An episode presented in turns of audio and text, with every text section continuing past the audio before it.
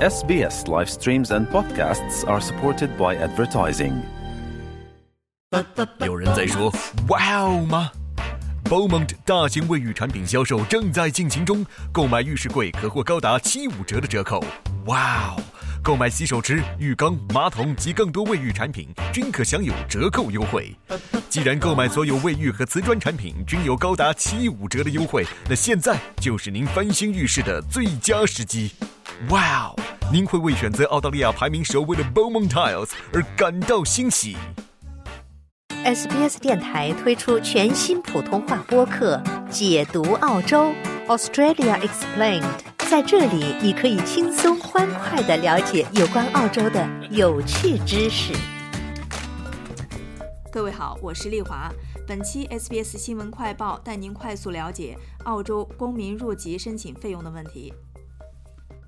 联邦内政部宣布，将在新一个财政年度上调公民入籍的申请费用，以反映审批申请的成本。新收费将适用于在2023年7月1日澳洲东部标准时间午夜12时或之后递交的所有公民的入籍申请。政府表示，此举是根据一贯做法，在每年7月1日基于消费者物价指数调整申请费用。届时，通过获授予公民资格一般类别途径申请人入籍的申请费将由目前的四百九十澳元上调至五百四十澳元，增幅为百分之十点二。符合资格的养老金福利卡持有人或其照顾的十七岁或以下儿童，申请费用为七十五澳元，较目前的七十澳元上涨百分之七点一。通过获授予公民资格的其他类别途径申请人入籍的费用为三百三十澳元，上述和资格福利卡持有人的费用为四十澳元，增幅分别为百分之十及百分之十四点三。至于通过血统获得公民资格途径申请入籍的费用，则由目前的三百一十五澳元上调至三百四十五澳元，增幅为百分之九点五。若有兄弟姐妹同时申请入籍，第二名申请人在内的其他申请人所需要的费用为一百四十五澳元，较目前的一百三十澳元增加百分之十一点五。与此同时，放弃澳洲公民身份的申请费用将由目前的二百六十五澳元上调至二百九十澳元；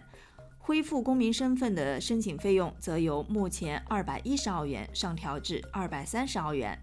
至于申请澳洲公民身份证明书的费用，则为二百六十五澳元，较目前的二百四十澳元增加了百分之十点四。但由于自然灾害而导致证明书遗失或损毁，申请新的证明书将不会收费。在费用调整当晚，内政部的 EMI Account 网上申请系统将进行系统维护。内政部建议民众留意系统暂时停用的时间。内政部表示，系统将会在六月三十日澳洲东部标准时间晚上九时至七月一日中午十二时进行维护，使用者届时可能无法使用 Email Account 网上申请系统。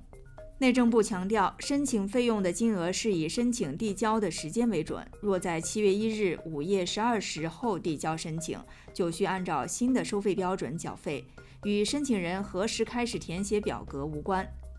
政府说。我们收到你的申请表格以及费用，才视为申请已提交。好了，感谢收听本期 SBS 新闻快报，在任何播客平台搜索 SBS 普通话，点击订阅，开启消息提醒，即可了解澳洲国内外新闻及社区信息。